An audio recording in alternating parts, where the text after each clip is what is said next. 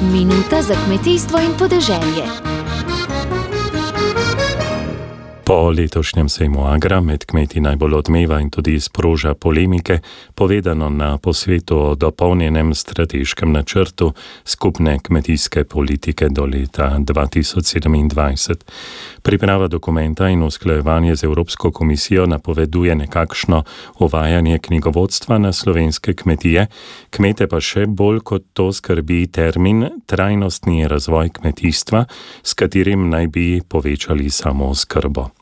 Doktorica Marija Klopčič z Biotehniške fakultete opozarja, da bi morala Slovenija opustiti držo pridne članice in dosledno ustrajati na Evropi ene hitrosti. Predvsem v mislih te um, zmanjšanja uporabe pesticidov in druge omejitve, recimo tudi antibiotike.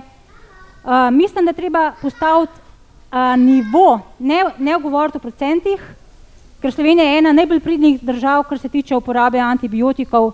Če pogledamo v Dansko, recimo ali pa Nizozemsko, tam, je tam poraba antibiotikov bistveno, bistveno večja. In za njih zmanjšanje 50% je nekaj drugega kot recimo za slovenske uh, rejce, ravno tako tudi pri uporabi um, drugih zaščitnih sredstev, pesticidov in, in, in drugih omejitvenih dejavnikov. Tako da mislim, da se mora Slovenija zauzemati za Evropo istih hitrosti, pa istih uh, razvojnih usmeritev.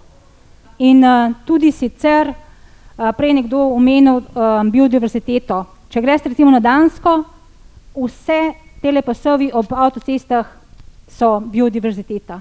Tam so površine, kamor bomo mi rožce posijali, pa bo to zelo atraktivno tudi za turizem, ne pa da delamo pasove med že tako razdeljenimi majhnimi parcelami, ki jih imamo.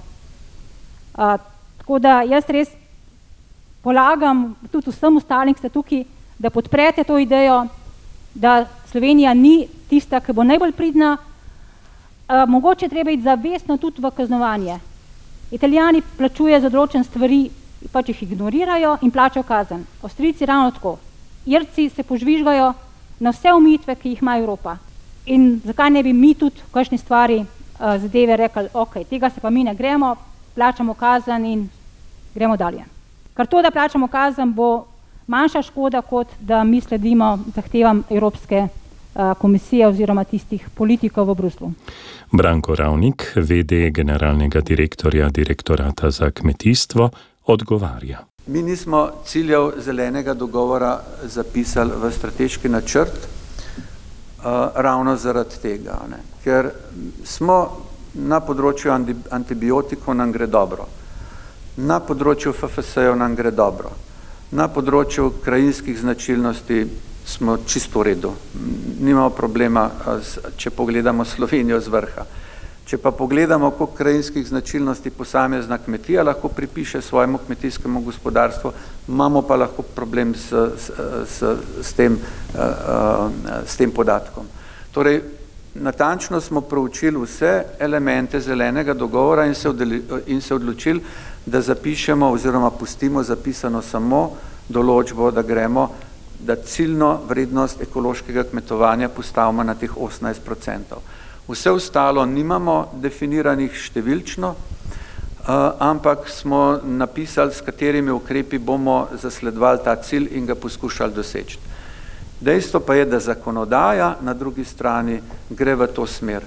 In zdaj pač to je zelo diskutabilno in ko se kmetje pogovarjamo na EU ravni, smo resno zaskrbljeni na tem, na drugi strani komisija zelo zavezana k temu, kar, kar se pravi na tem, kar je sprejela, da spravi v življenje in ja, čakajo nas mogoče malce drugačni časi kot zdaj in, in nekaj več dejansko tega, kar nekdo pove, da bo na rebu, da bo tudi prišlo na EU ravni, da bo tudi prišlo dejansko v izvedbo.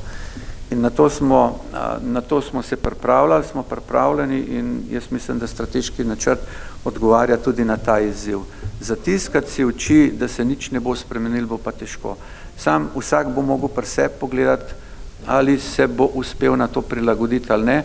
Kmetijska politika pa da to, da to, da se bo nekdo prilagodil na te nove zahteve, da mu bo sledila tudi z ukrepi in pa z možnostjo financiranja. Meni se zdi to ključno. Jutri novo mnenje in nov odgovor. Dobro se je zavedati, kmetijstvo nas vse preživlja.